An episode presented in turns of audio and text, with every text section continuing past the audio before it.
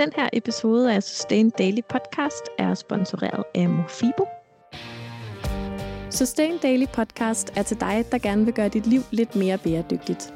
Vi går i dybden med tanker, overvejelser og dilemmaer, så du kan skyde genvej mod et grønnere liv. Jeg hedder Johanne Stenstrup. Og jeg hedder Emma Slipsager.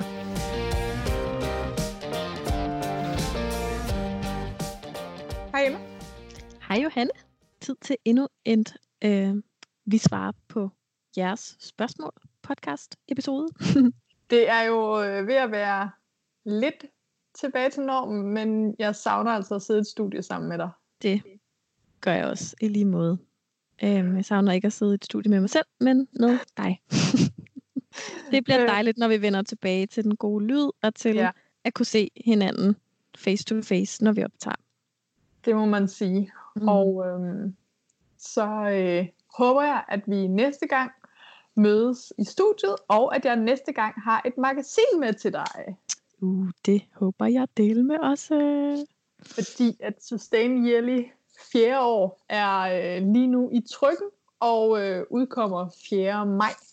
Fantastisk. Og det betyder, at vi får det lige et par dage inden, og så kan jeg måske have, have et helt trykklart magasin med til dig.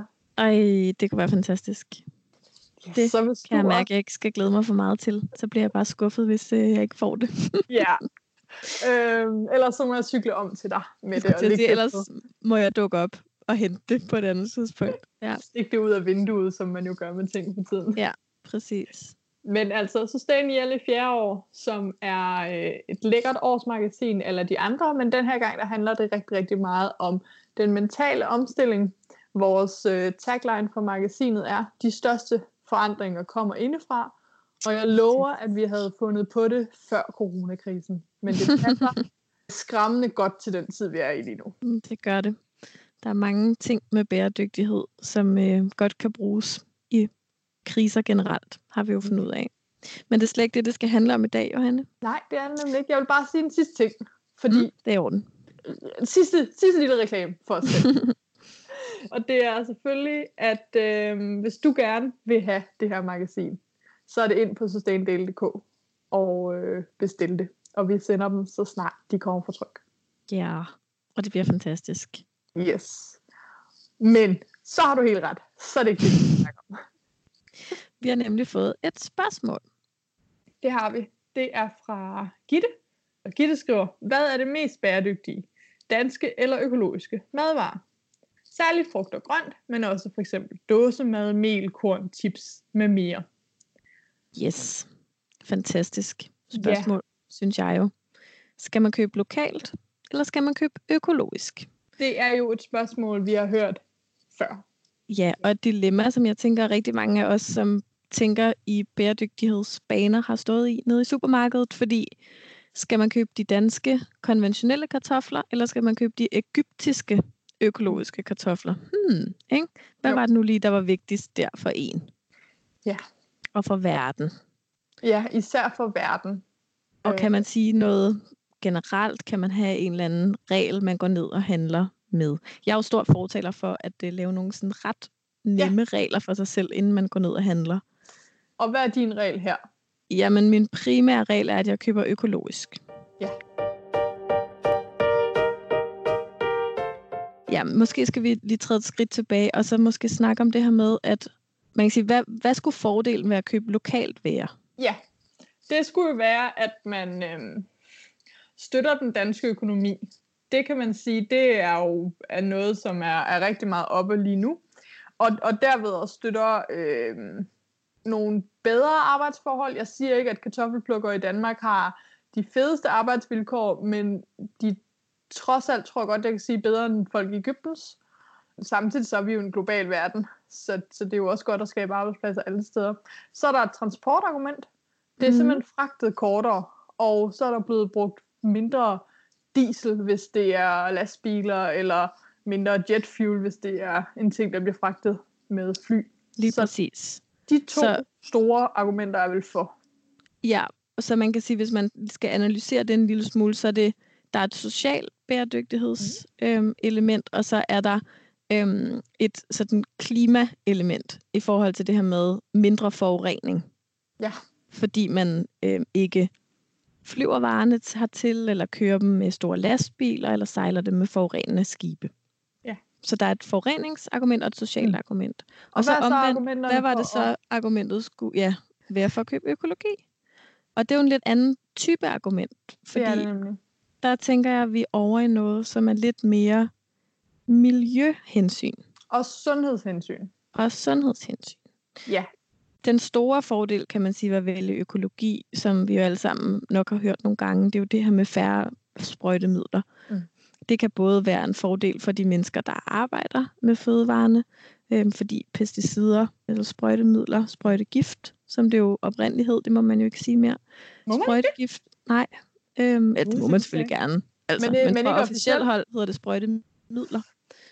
Men det er jo gift, man sprøjter på planterne. Jo ikke for at slå planterne ihjel, men for Nej. at slå øhm, forskellige skadedyr planter. ihjel. Og andre planter lige præcis. De er jo selvfølgelig ikke sådan super gode for mennesker heller. Nej. Og så er der jo et hensyn til grundvand. Og det synes jeg faktisk er, øh, at det, det er et af de ting, altså nu, hvis man kender min sådan, historie, så ved man også, at min mor har kæmpet for grundvandet, siden jeg var en lille barn, øhm, og været i Danmarks Naturfredningsforening for det. Men altså den her med, at vi, vi ser nu, at vi kan spore ting i grundlandet, som blev forbudt for fem år siden, for 10 år siden, altså, og at økologien bare ikke har, eller, og ikke har haft de sprøjtemidler, som er dem, vi finder i grundvandet. Og jeg tør slet ikke tænke på, hvad for nogle ting, vi kommer til at teste for om 30 år, som er lovlige i dag.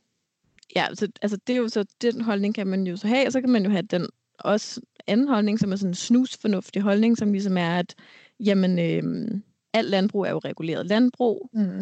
Øh, alt, hvad man sprøjter på markerne, har man jo testet. Øh, hvor slemt kan det være? Altså, Ja, Det kunne være en holdning, man kunne have, hvis man ikke synes, at økologi-argumentet var et godt argument. ja, Øhm, og så kunne kunne man- man jo også vælge økologien på grund af dyrevelfærd. Det ved jeg, der er mange, som spiser animalske produkter, hvor at, at det faktisk er det, der vejer højst, øhm, Ja. Når man vælger økologien. Det er, at, at dyrene simpelthen har nogle lidt bedre, og nu ser jeg bevidst lidt bedre Mhm. vilkår, end dyrene i de konventionelle landbrug. Ja. Så det er ligesom sådan to forskellige hensyn. det er også derfor, at der ikke er noget, og nu øh, du, afslører Ja, du det. må godt afsløre det. Der er sgu ikke nogen klar regel. Der er ikke noget sådan, vi kan sige generelt, fordi der bliver spurgt ind til både æbler og dåsemad og chips. Og de tre produkter har sgu ikke særlig meget til fælles, udover at der er ikke noget klart at sige omkring, om lokale fødevarer eller økologiske fødevarer er entydigt på alle parametre bedre. Nej, fordi noget, man ret nemt og hurtigt kan sige, det er, at det bedste det er at købe lokalt og økologisk og i sæson. Præcis. Og det kan man jo en god del af året på æbler i hvert fald få opfyldt. Det kan man, og øhm, man kan jo godt købe lokalt, uden at det er klimavenligt. Det er jo ikke sådan, at det bliver CO2-tungt nødvendigvis, bare fordi varen er fremstillet øh, langt væk. Og det er Øhm. tomaterne, altså de dåsetomaterne, jo et godt eksempel på, fordi de tit bliver nogle steder endda produceret på friland, økologisk og puttet på dåse eller tetrapak. Det har vi jo lært. Det Øhm, har vi nemlig. der, hvor de bliver produceret, og så er det først til sidst, de bliver fragtet. Ja. Og så kan de fragtes helt langsomt på en forholdsvis klimavenlig måde herop. Hvorimod det er klart, at en øh, thai-basilikum, som vokser i Thailand, og som bliver fløjet til Danmark med flyvemaskinen, den vil selvfølgelig have et rigtig højt CO2-aftryk. Ja. Øhm, så er der og jo en omvendt ting- kan man sige, at en, altså hvis nu man, man tænker sig, at vi skulle til at producere bananer i Danmark for eksempel, og vi skulle have nogle øh, steder i Danmark, der mimede det klima, en banan godt kan lide. altså, øh, så, så ville det jo være super øh, ressourcekrævende, ikke? Så skulle vi varme op, og vi skulle Ja. lyse på dem, og, altså, og der har man jo lidt med drivhusene, ikke? At, øhm, at man kan sige, de ting, som, altså de danske cherrytomater, man kan få i december måned, de er jo ikke dyrket ude på en mark. Nej. De er jo dyrket inde i et drivhus, som er tilkoblet både noget varme og noget lys og noget alt muligt, alt muligt, som gør, at man kan dyrke tomater på en, den helt forkerte tid på året, og det er klart, det er jo enormt klimabelastende.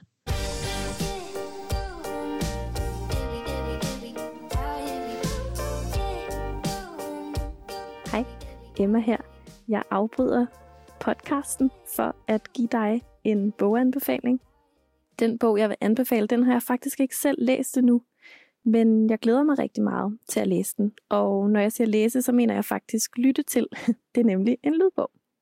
Bogen den øh, er svensk, og jeg har en historik med, at det går ret galt, når jeg prøver at udtale svenske ting og ligesom forklare svenske ord her i podcasten. Så øh, nu fortæller jeg, hvad den hedder på sådan et super fordansket svensk. Den hedder Gør skillnad. Altså gør øh, staves G, og så sådan svensk ø R. Og så skillnad, det staves S-K-I-L-L-N-A-D. Øhm, på dansk så betyder det gør forskel. Øhm, og undertitlen på bogen er Fra klimaangst til handlingskraft. Bogen den er udgivet af tre kvindelige forfattere, som står bag en svensk forening eller bevægelse, som hedder Klimatklubben, øh, Klimaklubben, som jeg følger på Instagram og synes er rigtig inspirerende og seje. De er lidt en slags svensk pangdang til System Daily, øhm, og jeg kan godt anbefale alle at øh, følge dem på en eller anden måde. Men nu har de altså også udgivet en bog, som handler om, hvordan, ja, som undertitlen siger, man kan forvandle klimaangst til handlekraft.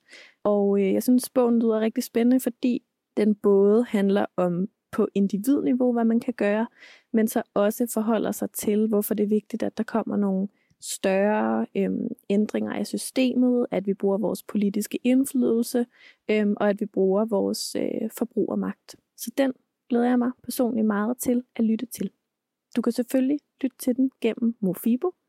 Hvis du bruger koden SustainDaily, så kan du ind til den 30. juni i år få 30 dages gratis medlemskab af Mofibo og lytte til den her og til alle mulige andre bøger. Øhm, og hvis du er mere til e-bøger, så kan du også finde sådan nogle derinde. Men lige præcis den her, den findes kun som lyd på svensk. så øh, den er også en mulighed for at få trænet sit øre i forhold til at forstå vores naboer fra Sverige. Så lokalt og i sæson og økologisk, hvis man kan få de tre ting på samme tid, så, så er det, det klimavenligt. Ja. ja. Og hvis ikke man kan det, så kan man jo spørge sig selv, et, har jeg brug for den her mango? To, okay, nu mango er et dårligt eksempel, fordi du vidderligt kan få det fra Danmark. Agurk, kartoffel, øhm, eller kan jeg måske få den økologisk og tættere på, så er det i hvert fald mindre transport, og hvis man kan få den landfast, så er det ikke sikkert, det bliver fløjet. Øh, det ved vi selvfølgelig aldrig. Altså det, det, man skal jo ikke oplyse, hvordan ting er transporteret. Men Nej. jeg tænker ikke, at hollandske ting er fløjet til Danmark. Nej, altså ikke medmindre det er ekstremt forgængeligt, ikke? Altså du kan næsten... Altså, ja, ja kartoflerne, de kan godt tåle at ligge lidt, ikke? Men et eller andet, man lige har skåret helt friskt af, mm. kan måske ikke. Jeg tror nok ikke, der er noget som helst, der bliver flået fra Holland. Men jeg skal ikke kunne sige det. Altså det kan godt Nej, være, det tager jo en nat at køre med en lastbil.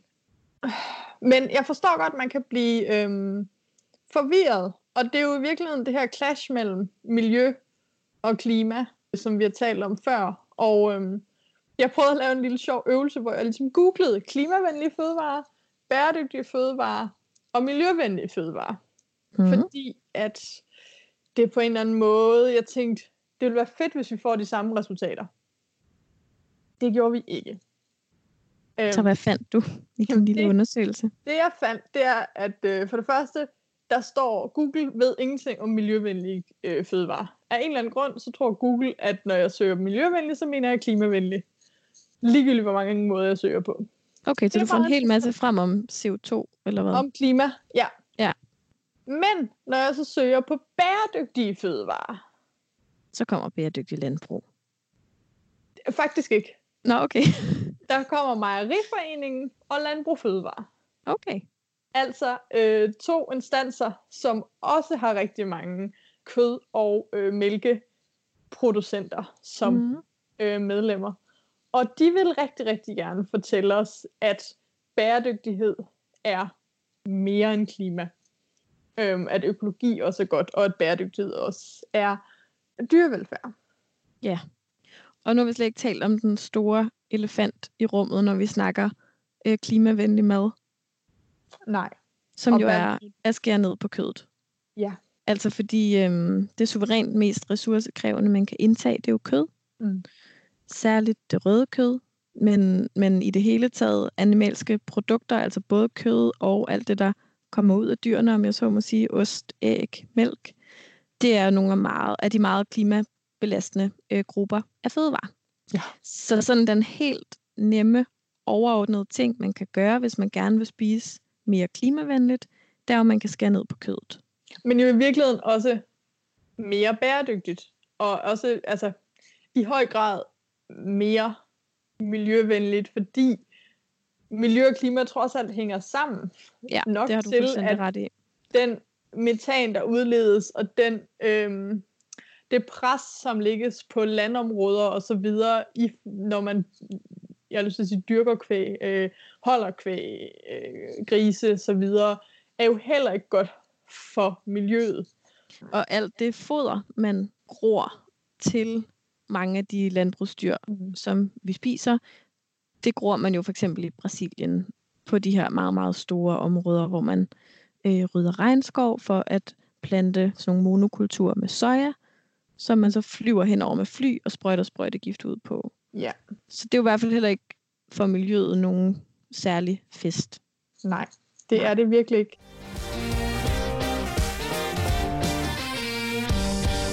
Men jeg har lyst til at øh, komme med nogle af de sådan, gængse, igen, googlet og googlet, og sådan øh, ligesom opsummere, fordi vi kan godt, og jeg ved overhovedet ikke, Gitte, hvordan du generelt spiser, så du må på ingen måde tage det som en, øh, en noget som helst. Øh, men, men hvis man er lidt i tvivl, så er nogle af de store ting, man kan gøre for at gøre sin kost mere klimavenlig, men jeg vil øh, våge påstå også bæredygtigt. Det er, ja, skære ned på kødet. Undgå madspild. Det er jo stadigvæk op mm. til en Mhm. tredjedel af den mad, vi køber, der bliver smidt ud. Det vil jeg kalde både et klima- og et miljøsvin. Men mindre man selvfølgelig komposterer det hele, men stadigvæk der. Det er bedre som føde, øh, ja. end som kompost. Helt bestemt.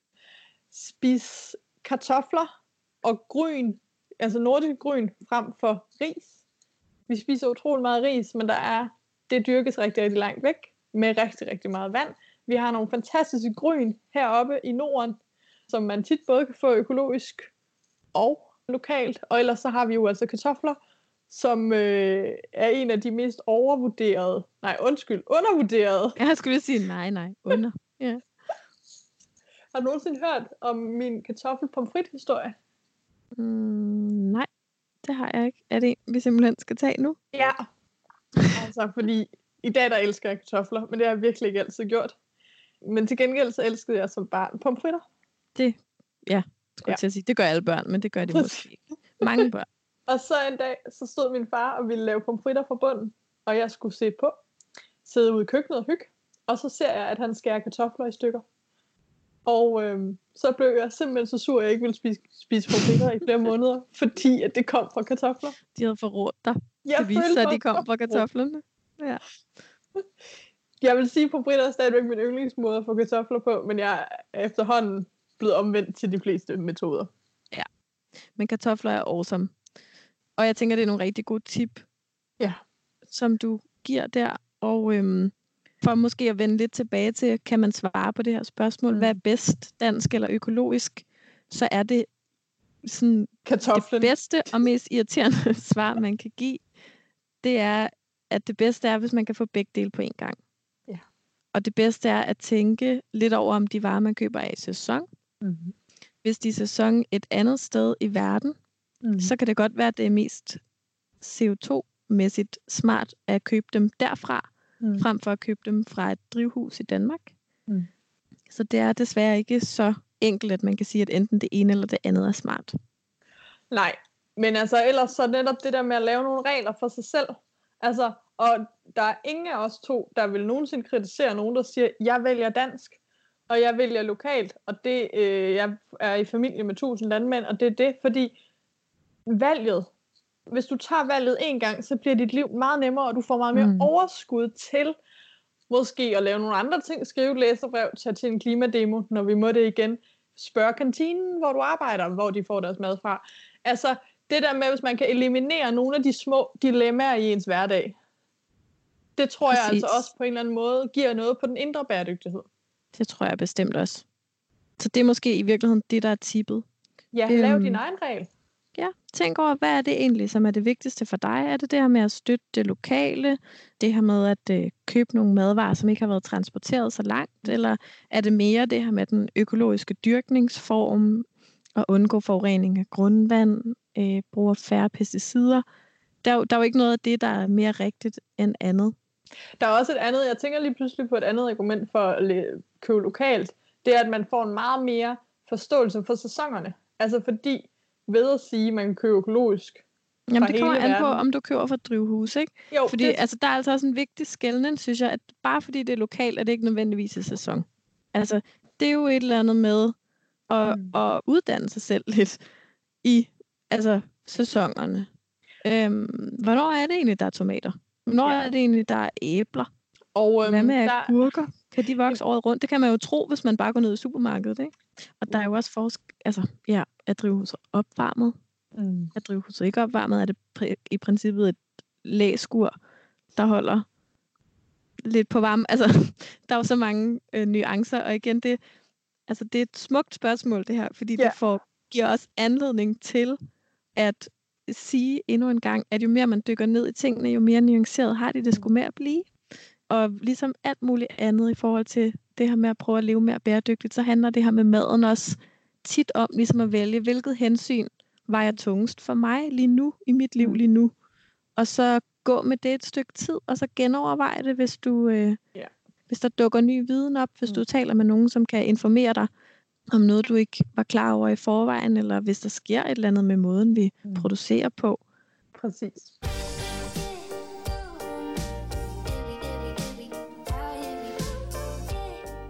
Jeg afbryder igen med en boganmeldelse. Den her gang vil jeg snakke om den bog, der hedder Lev for det halve. Det er en bog, som handler om at skære ja, halvdelen af sine udgifter væk. Da Sustain Daily i december havde en konkurrence, hvor vi hver dag udlod en bog, så var Lev for det halve en af de allermest populære bøger. Og øhm, man kan jo på en eller anden måde godt forstå, at folk, der er interesseret i at leve for det halve, heller ikke går ud og køber en bog om det. Derfor ved jeg også fra forlaget, at det her er en utrolig populær bog som e-bog, og på Morfibo kan du også finde den som lydbog. Den handler om en familie med to voksne og to børn, som har lyst til at træde ud af hamsterhjulet og finde ud af, hvordan de begge to kan gå ned i tid for at få mere nærvær og mere samvær med deres børn.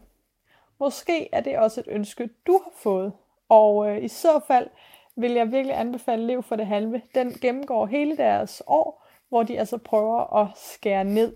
Den er utrolig praktisk, og man kan selvfølgelig sige, at der ikke altid er et overlap mellem, hvad der er bæredygtigt og hvad der er billigt, men lige præcis her, så går det op i en højere enhed, og der er i hvert fald masser, masser nærvær i den bog. Lev for det halve kan du finde som e-bog og som lydbog på Mofibo. Og hvis du ikke har oprettet dig som bruger endnu, så kan du få de første 30 dage gratis ved hjælp af koden Sustain Daily. Og koden gælder altså på Mofibo indtil den 30. juni. Men jeg tror virkelig, det vigtigste må være, at man laver sådan nogle regler. Fordi hvis man skal beslutte sig hver eneste gang... Altså jeg synes, det er hårdt nok at gå i, i supermarkedet og bare skal beslutte mig for, hvad jeg skal købe. Altså ikke engang ned på, yeah. det er økologisk eller ej, mere sådan, gud, hvad skal jeg spise? Altså, det synes jeg jo er verdens mest nederen spørgsmål. Jeg vil jo elske, at nogen bare besluttede for mig. Men derved bare sagt, jeg har fuld forståelse for, at man ikke skal overkomplicere sit liv. Jeg kigger slet ikke, den økologiske agurk, jeg kigger ikke, hvor den er fra. Fordi hvis der kun er en økologisk agurk, så er den, jeg skal have. Ja, det er også min strategi. Og så kan jeg bare alligevel mærke, at jeg nogle gange ikke køber kartoflerne fra Ægypten. Men lader du så vær, helt være med at købe kartofler? Nej, så køber jeg danske kartofler. Okay. Men det, og det er, sådan, det er en eller anden indre... Øh, det er super uvidenskabeligt. Men det, nogle gange kan jeg ligesom... Der kan jeg mærke, ej, der går min grænse. Altså, jeg køber ja. simpelthen ikke en kartoffel fra Ægypten, fordi det skal være en ny kartoffel. Nej. Så køber jeg hellere en ordentlig knold, som er lavet i Danmark. Også selvom den er konventionel? Ja. Yeah. Jamen, jeg er slet ikke der, hvor jeg kigger på oprindelseslandet af mine fødevarer. Nej, og det er heller ikke noget, jeg... Det gør jeg heller ikke altid. Altså, jeg, jeg har jo også sagt, at min grundlæggende regel, det er den med at gå efter økologien. Mm. Altså, jeg spiser vegetarisk og økologisk. Ja. Det er ligesom de to ting, jeg forholder mig til, når jeg er nede at handle. Mm. Og så hvis jeg synes, jeg har overskud, så kan jeg godt finde på at gå op i sådan noget med oprindelsesland, for eksempel også. Jamen altså, igen, vi har talt i 23 minutter, og øhm, Gitte, du må selv finde ud af, om der findes et klart svar for dig i det, vi har snakket om. Jeg synes, vi skal stoppe den nu, fordi vi kan komme ud i Vi kommer ikke længere. spise nogle flere kartofler. Jeg tror, vi skal mødes til pomfritter, når vi en gang øh, kan mødes igen, Emma. Pomfritter og podcast. Er en aftale. Det skal man ikke sige to gange til mig. Det lyder godt. Det gør Jamen, Jamen, øhm, Jeg glæder mig. Pomfritter, sustain yearly flere år og podcast. Fuck, det bliver en god date. Det bliver sådan en god date. Vi vil ønske, at øh, vi også kunne invitere alle jer lyttere. Det må blive til vinteren, efteråret. Der er jo masser af ting, vi skal fejre. Et magasin, en podcast, starte en ny podcast, jeg laver en bog. Øh, det bliver den vildeste Sustain Daily Vinterfest. Det gør det. Det kan vi godt begynde at glæde os til. Og Med de ord, ellers, så vil vi bare sige, vi lyttes ved i næste uge. det gør vi. Kan I have det godt så længe. Hej hej. Hej hej. Tak fordi du lyttede til Sustain Daily Podcast. Det betyder vildt meget for podcasten, om vi får nogle anmeldelser. Så når vi nemlig længere ud og kan få spredt det grønne budskab endnu bedre. Så hvis du har to minutter, du ikke ved, hvad du skal bruge til, så hop meget gerne ind i din podcast-app og anmeld Sustain Daily Podcast. Og hvis du vil høre endnu mere fra Sustain Daily, så kan du følge os på f.eks. Instagram eller Facebook, eller skrive dig op til vores nyhedsmails, hvor du bliver den første til at høre, når vi laver seje ting.